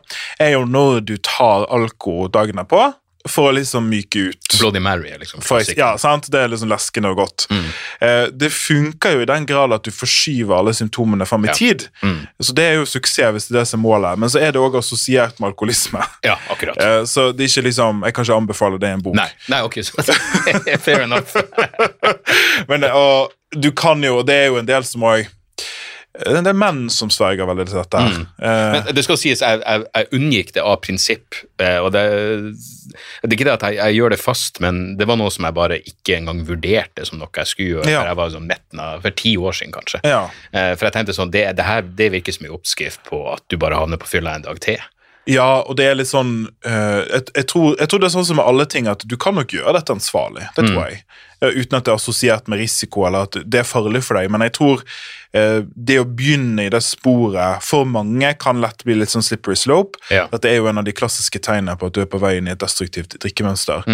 Eh, men hypotetisk, det går fint an å gjøre det uten at det er et stort problem. Ja. Og så er det jo også noe med at er den verste situasjonen å være i bakfull? Jo, det er jo på flyplasser. Ja, fy faen. Gud, det, det er sånn derre nightmare hell on Ja. earth, altså. Det har vært noen ganger jeg har vært på sånne i utlandet, og så på ferie, da, og så blir det noe full klubbing på natten før og rett på søndagen. Ja. Og det er bare Jeg husker en gang jeg var, Da var jeg veldig ung i London og bodde på sånne jævlig hostell Mm. med et indisk ektepar på 50 som skudde varmen opp til dri, Jeg var helt sånn rosin og dritpakkfull og skulle ta tidlig tog til flyet hjem, for det var jo det som var billig. sant? Ja, ja, selvsagt. Så det, og jeg hadde spist sånn Sunday roast, eh, og det satt og gulpa på den Alt er tilrettelagt for det. Disaster, og unger som hadde kollaps på flyplassen, og Åh. svett og jævlig, og det er bare et nightmare. Og I sånn situasjon kanskje jeg skulle tatt en øl Ja. istedenfor. du, jeg, jeg kan huske den, eh, ja, bare for å runde av det hele forgiftningstanken, Mm. jeg har jo hatt de, de gangene hvor hvis jeg havna på noe dagdrikking og gitt meg sånn i syvtida, Mm. og så bare ligget Og de timene da hvor man egentlig sov, hvis Mm. du er våken der og kjenner og gå gjennom ved full bevissthet når alkohol er på vei ut av kroppen, det er en ganske jævlig opplevelse. altså. Altså, for det er jo det er en av de viktigste poengene her, det er at alkohol er ikke bra for deg. Nei, nei. Eh, Og det er bare så enkelt som det. Og det er jo en del av den rusdebatten òg. Altså min, mitt budskap etter å ha gravd meg inn i dette her, og som kjemiker nå, da, det er at alkohol er ikke bra for deg i det hele tatt. Ingen tvil om, men det er òg gøy. Liksom, for Ja. meg føles det som en veldig enkel ting Ja. å lande på, men det er veldig kontroversielt. Mm. For dette er en gift. Det påvirker kroppen din på mange negative måter. Vi vet at høye alkoholinntak er assosiert med veldig mange sykdommer og problemer. Og det er på en måte ikke noe å bestride. Så enkelt er det. Samtidig, eh, det er gøy, det er sosialt lim. Eh, vi mennesker i livene våre inntar og er involvert med risikofylt atferd hele tiden. Mm. Eh, og det er en del av å være et menneske å eksistere i et sånn limbo der du hele tiden liksom er på gøy og farlig-linjen, syns jeg. Ja. Jeg føler det er så dypt Jo, ja, menneskelig. ja. Eh, og hvis du velger å ikke drikke pga. de faretingene, så syns jeg det er helt legitimt. Absolutt. Men samtidig, de som da velger å drikke så lenge det er lovlig som det er, det er jo òg deler ved den rusen og ved det bildet der som er gøy. Jeg syns kanskje det, det beste øyeblikket i folkeopplysninga var det der når de ba folk rangere hvor skadelige Ja, forskjellige rusmidler med, jeg var. snakket med de som produserte det nylig. Det er jo en analyse som uh, Nødt, som er det beste Ja. navnet noen gang. David Nutt, ja. ja. Professor Nutt. Han jobber jo for øvrig nå med piller hvor du skal kunne ja, bli full uten- skriver om det på slutten av boken. Ja. Eh, han har gjort, eh, for de som ikke vet hva dette er, han har gjort en sånn eh, vurdering der han har tatt hva det, ti ulike rusmidler. Eh, Og gjort en analyse på hvor farlig det er. For det er dette som vi hele tiden skal diskutere. Hva er farligere? Mm. Og jeg syns den, den debatten er så unyttig, men ok. Han har i hvert fall valgt å rangere da, disse rusmidlene, og det er tre parametere. Det er samfunn, og det er økonomi, og det er jeg husker ikke hva det er, sånn personlig Ja, kropp. helsesikkerhet. Ja, et eller annet sånt Ja, mm. Og så kan du da se det som hjul. da, Du kan se at det skal også høyt eller la. Og en av eh, Er det det farligste av alt som han kommer fram til, er alkohol. Eh, og så har du de andre til kokain, amfetamin Mm. og hasj og Flein var vel nederst. ja. eh, Og Jeg har også hørt rykter om at du er i helt fin form dagen derpå, så Ja, det kan sant, jo være greit å se. heve. Eh, Men grunnen til at det scorer så høyt, er jo ikke bare fordi det er farlig for kroppen vår, men fordi at det er det rusmiddelet som er lovlig. Mm. Og hadde vi gjort kokain lovlig, Ja. så tror jeg at vi hadde fått det som det farligste. Men jeg, for meg i mitt lille hode så er det så åpenbart at ja, det er farlig og gøy, liksom bare den, den tesen der. Men vi, vi sliter, så- det er så stor fiksjon der. Fordi at, fordi at noe er farlig, så skal det være ulovlig. Og så var det det jeg sa innledningsvis, at vi har så lang historie med det. Jeg tror Hvis jeg hadde lagt et, hvis jeg hadde besøkt et uh, aliensamfunn på en annen planet som ikke hadde oppdaget alkohol, og så sa vi til byråkratene nå har vi et nytt produkt etter alkohol, vil dere ha det på markedet? Så hadde de sagt nei. Nei, nei. Så det, det er helt sånn, det, Hvis du ser på det bare Og hvis de hadde fått hele kortbordet, så ville de gått for andre rusmidler. ja, hvis det er sånn, Har du lyst til at alle innbyggerne hver lørdag og søndag skal havne på legevakten? Det er enorm sosiale og økonomiske konsekvenser, og folk blir alkoholikere. Har dere lyst Mm. på det? Nei takk. Den står vi over. Så det er jo andre grunner til at det er lovlig i Norge Ja, ja. og i verden. Ja. deler av verden.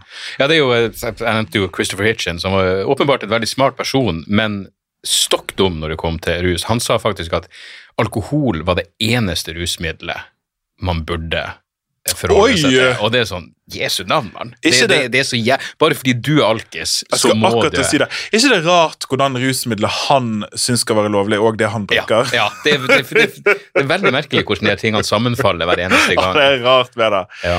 Det har jo vært mye snakk om på en måte hvordan Norge og samfunnet hadde sett ut hvis vi gjorde alkohol forbudt. Mm. Det har man jo prøvd mange ganger før. Eh, forbundstiden, for eksempel. Ja, ja. Det funker jævlig dårlig. Folk lager alko i badekarene sine. Mm. Så jeg tror det er for seint. Jeg tror vi har for mange hundre år, tusen år, med alkohol. Jeg tror for, Det er for inngravert i samfunnet vårt, og med strukturen med bar og med Ja. alt det der med fest og med klubbing og dansing og Altså, det, du, kan ikke, du kan ikke ta det ut av samfunnet igjen. Det er på en måte det allerede det, Som en sopp har det grodd inn i oss Mm. og har tendrilene dypt inn i samfunnet.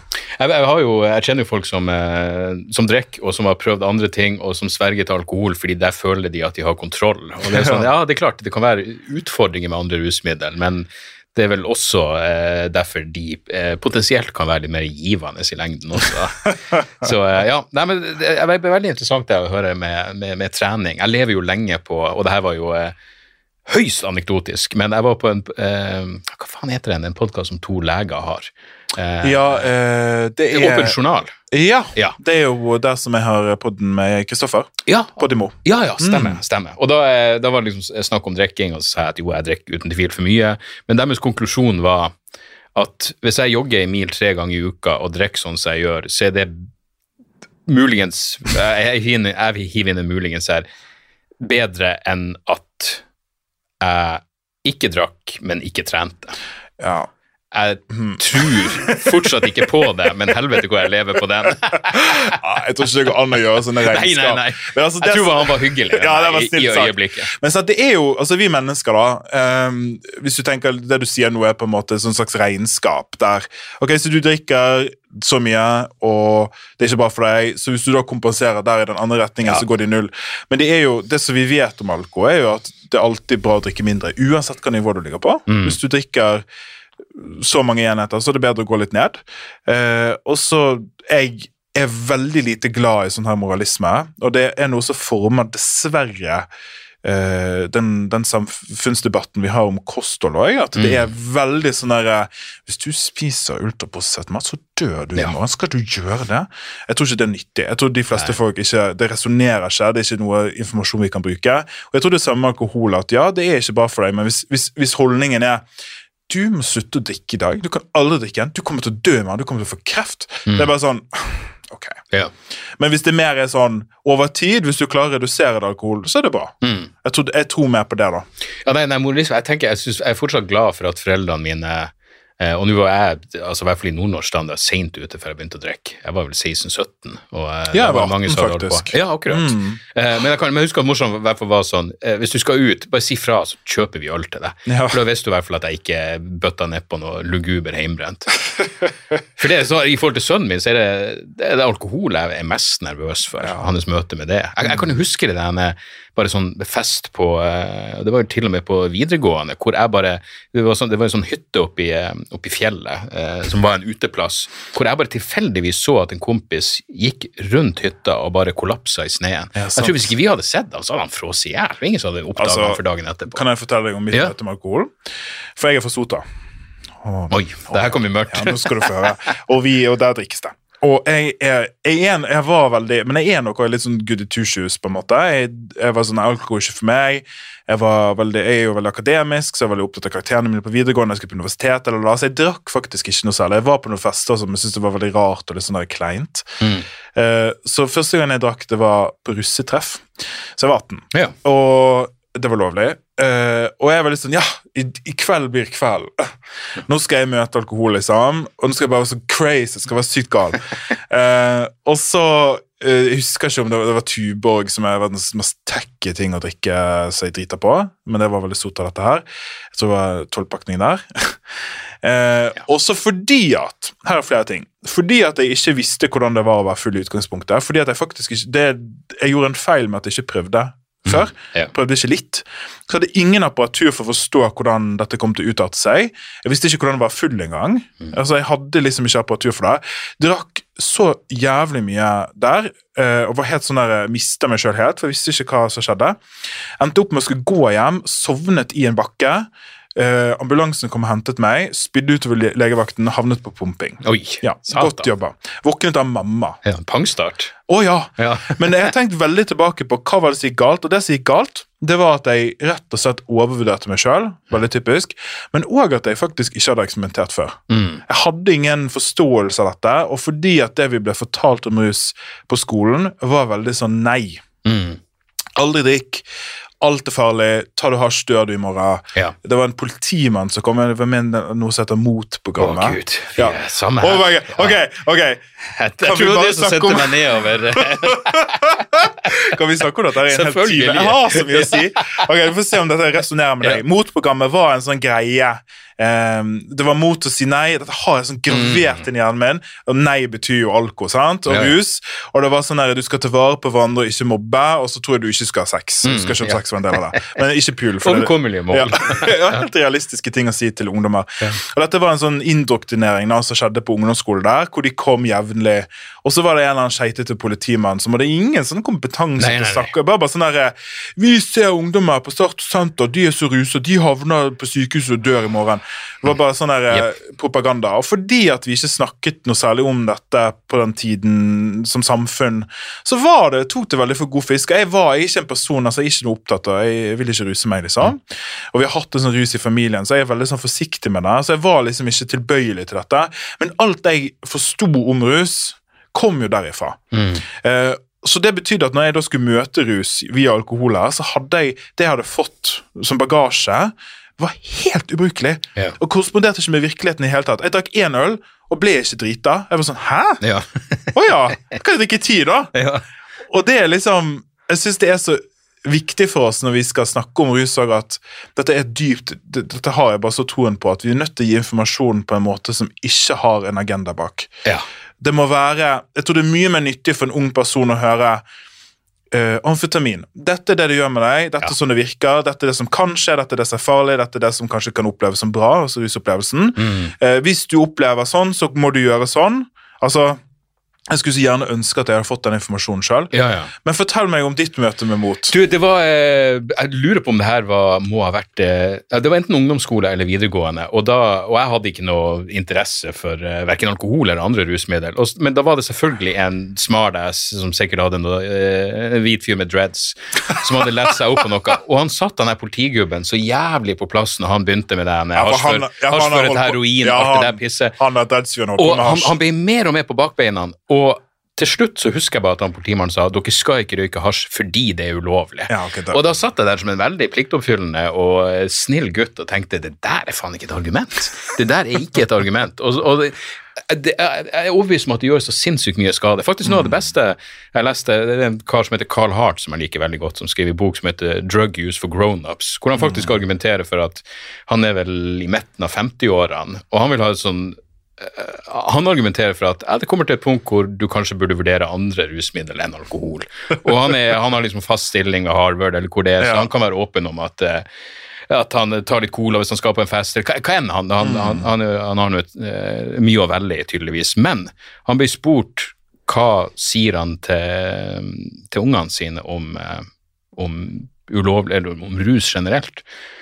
Og da sa han noe som jeg egentlig syntes var veldig bra. Han sa han trenger vel i utgangspunktet ikke å si så mye. Sa sånn hvis, hvis tenåringssønnen min gjør det bra på skolen, har venner, har de fritidsinteressene, hva slags idrettsinteresser han har, ting ser ut til å gå greit, så trenger ikke jeg å si så veldig mye. Alt du egentlig trenger å si, er at du kan, du kan ringe når som helst. Så du har fått i deg noe, uansett hva det er for noe, eh, si ifra, jeg kommer og henter deg, og det er ikke noe stress eller noe, noe dom i det. Men det er akkurat så det er, man er sånn en, det er akkurat som man skal være pålagt og Før Først så tror jeg jo ungdommen plukker opp veldig mye på egen hånd, men, men denne jævla giftige desinformasjon og propagandasvada, det tror jeg faen meg Det pågår jo fortsatt, Ja, dessverre. det det, ja, ja. Og det er skadelig. Eh, Det var det for meg, i alle Ja. fall. Og jeg, jeg har jo opplevd òg altså, Som sagt, jeg, jeg ruser meg ikke på noen ting. Jeg drikker alkohol av og til. Det er, min, det er sånn jeg er. Eh, men jeg, jeg har snakket mye om rus, for jeg er kjemiker. Og jeg har snakket veldig mye om ulike rusmidler i ulike sammenhenger. Og hver gang, spesielt hvis det er radio, spesielt hvis det er NRK, så er det noen ofte, du, Nå har ikke Du får ikke tak i meg lenger, altså fordi jeg har slettet all sånn info ute. Takk og lov. Ja. Så, men før så fikk jeg veldig sånn e-poster og sånn at jeg syns ikke det er riktig at du skal snakke om muskatnøttrus. Fordi at mitt barn kan finne ut å gjøre det. For de får så lyst til å gjøre det når de hører om det jeg snakker om det. Så Ja. det jeg har sagt er sånn det er Hvis du tar det, så spyr du. ja. Og det kan være litt gøy i to sekunder, men så Altså, Det er bare sånn helt sånn derre Men bare fordi at de ikke er pakket inn i en sånn derre Hvis du tar muskatnøtt, så dør du. Ja. Johan. Eh, Og jeg tror også at det skaper masse masse problemer for de menneskene, spesielt unge mennesker, skal ut i verden og oppdage verden. Fordi at det viser seg at autoritetspersonene har gitt løgner. Eh, og sånn som jeg oppdaget der, ja, det, det, det døde visst ikke. Altså, jeg ble ikke drita av en øl. Eh, og da raknet hele det verdensbildet der. Så jeg, jeg har veldig sånn avsky meg for hele det der. Når jeg hører sånn motprogram, jeg vet det eksisterer i dag. Ja, ja. Det kan godt være at det er blitt bedre, men jeg har veldig lite respekt for det. Jeg syns det funket ræva. Ja, altså, De har jo ingen kompetanse Nei, De er jo bare en eller sånn der Bård et eller annet ja. fra Sotra politidistrikt som eh, tar en tur ned til kidsa for å rappe om ja. hasj, liksom. Ja. Det er jo bare helt mareritt. Å, det er så gøy når de legger ut det på Jeg føler det er narkotwitter når det er folk fra Norsk Narkotikapartiforening. De, skifter, de fjerner vel politi i foreningsnavnet nå, men hvor det er liksom Ja, det er rus er det verste i verden, og så legger de ut private tweets om vinsamlinga si og whiskysmaking og gudene Ja, det er litt hyklerisk. Ja, det er så inn i helvete er hyklerisk. Det er Det, det er som du sier, det er en agenda der. Det er akkurat som du lever i en fantasiverden. Faktum er at ungdom kommer til å møte det her, og hvis noen bare hadde gitt meg noen form for faktagreier, sånn, så, ja, sånn som du gjør med alkoholen, hvor du forklarer hva som skjer i kroppen, og så er det ikke til å nekte for at det kan ha positive konsekvenser, men de negative konsekvensene bør du også være oppmerksom på. Ja, så kan folk bestemme sjøl. Ja. Mm. Altså, jeg skjønner også at en ikke-myndig person det er litt sånn spesielt ansvar når det er unge. og Derfor skal vi skal være ekstra forsiktige, sant? Men, men likevel, vi ruster ikke framtidens borgere til å forstå verden og seg sjøl, og til å ta gode valg for seg sjøl, hvis ikke vi forteller dem sannheten. Og sannheten, hva er nå det? Jo, for meg så er det at rus kan være gøy og kan være farlig. Ja, nettopp. Og liksom, Jeg skjønner ikke Nå blir jeg helt sånn der Hvilket menneskesyn har du hvis du tror at, de ikke, at fakta er noe man skal skjule fra folk? Ja, og, jeg, bare, og spesielt for unge. Mm. Jeg skjønner jo også liksom at ja, vi skal ikke, skal ikke romantifisere det, men jeg har ikke hørt jeg tror jeg ikke har hørt et eneste eksempel på noen som har romantifisert heroinrus. Jeg har ikke hørt et eneste eksempel på det noen gang på noe som er sånn heroinrus er bare så sykt bra. Det er bare, Nei. hvis du snakker med folk som er Da må du høre på Alice in Chains. ja, ja, ja, så det finnes, og, og Nei, selv det er jo ganske Ja. destruktiv. eh, Men har du sett Requiem for a Dream? Liksom? Det er jo ingen som får lyst til å ruse seg av å ta av se den filmen. Nei. Eh, og det, Du kan si at den har en agenda, men den er nå iallfall òg Det viser jo òg at det er positive sider ved det. liksom. Ja, absolutt. Og så viser det også at den, eh, den sosialt akseptable husmornarkomane kan være like Den jævlig. filmen der er så røff. Ja, fantastisk. Og ja, brutal, altså. Helvete, Jeg altså. har sett den, eh, jeg var helt obsessed med den filmen før. Og med den der Kronos kvartett, strykekvartetten. Det, er- det er et nightmare, men òg veldig bra. da. Ja, helt nydelig. Nei, du, det, jeg syns alle, alle må lese boka di 'Fylla og skylda', med vitenskapen inn i bakrusen. Og eh, jeg mener, ja Som alt annet så er det kalkulert risiko involvert, men det er åpenbart mye å lære både om, men også av bakfylla. Jeg syns du avslutter det beste i boka di. Du skriver 'Det gjør vondt fordi du lever'. Alternativet er verre. Du, ja, Ja, det er så fint. Det var kjempegøy. Du, Har du lyst til å plugge noe hvor folk kan finne Ja. deg på sosiale medier? Og sånt? hvor kan de plu- eh, Så jeg, er på, jeg lager mye innhold på Insta. Dr. Santov heter jeg der. Eh, Det er mye sånn debunk-videoer og sånn. Så har jeg 100 000 podkaster. Jeg har mm. Tingenes tilstand med Kristoffer Schou på Podimo, der vi snakker om kjemi. Jeg har, eh, har jeg andre podkaster. Ja, jeg har en podkast annen og podkast med Kristoffer Schou der vi leser en bok hver måned. som Ja, heter... ja, du, for et bra tiltak. Ja, jeg leste takk. akkurat om det. Det er liksom et forsøk på å skape en lesesirkel og sånn. Eh, Det heter Menn uten midje kan også lese. Ah. Er Kristoffer som har vakt navnet der, vet du. Eh, Jeg er på Twitter, men jeg bruker ikke så mye, for jeg blir bare beskjeftet huden full hver dag. Du, Du er går, du, går, du går ikke glipp av så mye. Jeg, jeg er kun der for, eh, for narko... Og det er alt jeg får opp nå, er sånne narko-Twitter-greier. Så det er tydeligvis det jeg bruker det. Eneste sosiale medier der jeg jevnlig blir skjelt ut helt uten grunn. Ja, ok. Ja, nei, Det er lenge siden jeg har fått skyllebøtte der, men eh, det er ikke den mest saklige plassen. Nei. Det er ikke det. Jeg holdt på å gå inn i en sånn Twitter-diskusjon for ikke så lenge siden, og skjønte allerede ved andre replik replikkveksling at vent, det her gir jo ingen mening. Det var noen som mente jeg hadde vært um, uh, hysterisk under pandemien. Du har vært hysterisk. Ja, og så, var det liksom, og så, så var jeg sånn Ja, ok, det kommer selvfølgelig an på grunnlinja di når du skal liksom definere hysterisk, og så, men du må gjerne komme med et eksempel. Eh, og så skrev han at jeg hadde ropt etter koronasertifikat, og alt jeg hadde sagt var hvis det står mellom koronasertifikat eller at jeg må avlyse showene mine, så vil jeg heller ha eh, sertifikatene så jeg kan gjøre Det var så egen, det var så egoistiske grunner, det hadde ingenting med noe annet å gjøre. Og da innså jeg Vent, nå kan jeg havne i en sånn hvor jeg kaster bort flere timer Ja, på å gå frem og tilbake med en person jeg ikke kjenner og ikke bryr meg om. så, og så er det en anonym konto med to følgere Ja. Ah. Er så typisk det der. Og jeg har, jeg har liksom Jeg har gått mange runder med meg sjøl om jeg har lyst til å være der eller ikke. Det som jeg liker med det, er at det er en del sånne kule kontoer. Ja, ja. Som er sånn faktabasert, fun facts, ting som jeg bruker. Jeg bruker det også litt for nyheter, fordi det er en del sånne folk som jeg følger, som er kommentatorer og skriver ting som er interessant og sånn. Og så personlig bruker jeg det sjøl egentlig mest bare til tull. eh, Fordi at jeg er jo en, en bitter person. eh, opplever at verden er kjip hele tiden, ja. Ja, men det er sånn- er litt sånn lett å irritere. Ja, ja. Så jeg bruker det litt sånn sarkastisk eh, syrlige ting, og det er jo så dårlig. Mm. For da er det sånn, hvis jeg skriver sånn Å, nå pusser naboene opp igjen, så irriterende, så er det sånn Mener oh, du at de aldri skal kunne pusse opp Ja. leiligheten sin? Det er kommentar én. Kommentar to. Har du ingenting annet å klage om? Nå er jeg så jævlig lei av å se de i dine overalt. Personen ikke vet hvem jeg er. Følger, ikke, følger ikke meg. Jeg skjønner ikke hva det er. Og så er det også sånn der eh, eh, Alt du skriver om i den leiligheten din. Jeg er så lei av å Og så er det bare sånn ti sånne, sant? Ja. Ja, men ja, men av og til så er det sånn, når du ser noen bare svare perfekt Det her var eh, en person som, eh, som jeg liker, ikke nødvendigvis er politisk helt alliert med, men Mimi Kristiansson. Ja, han er rå på Twitter. Det var noen som skrev til han et eller annet eh, Jeg vet da faen, Rødt hadde nedstemt noe forslag, eller et eller annet som denne personen var uenig i. Et eller annet hadde skjedd på Stortinget, og Mimir hadde ikke vært der. Og det her påpekte fyren i Twitter. Da skrev Mimir sånn jeg beklager at jeg ikke var der, men eh, faren min døde Ja, på søndag. så så det var bare sånn, åh, det er så nydelig. Og så kom det bare noe sånn sorry eller kondolerer tilbake. Det, så du har ingenting å si. Så eh, de der øyeblikkene når noen faktisk kaster inn håndkleet og, og innser at de fucka opp, Og så er det de jo, blir jo et mørkere sted etter visse personer ah, tok faen, over. altså. og Det er jo eh, Det er jo liksom, ja, er, men Jeg vet ikke hvorfor jeg kom inn på dette, men Twitter er iallfall et sted der jeg er Ja. noen ganger av og til. Ja, all right. Du, Ja. takk for praten. Nydelig! La oss gjøre det igjen en eller annen gang. Absolutt.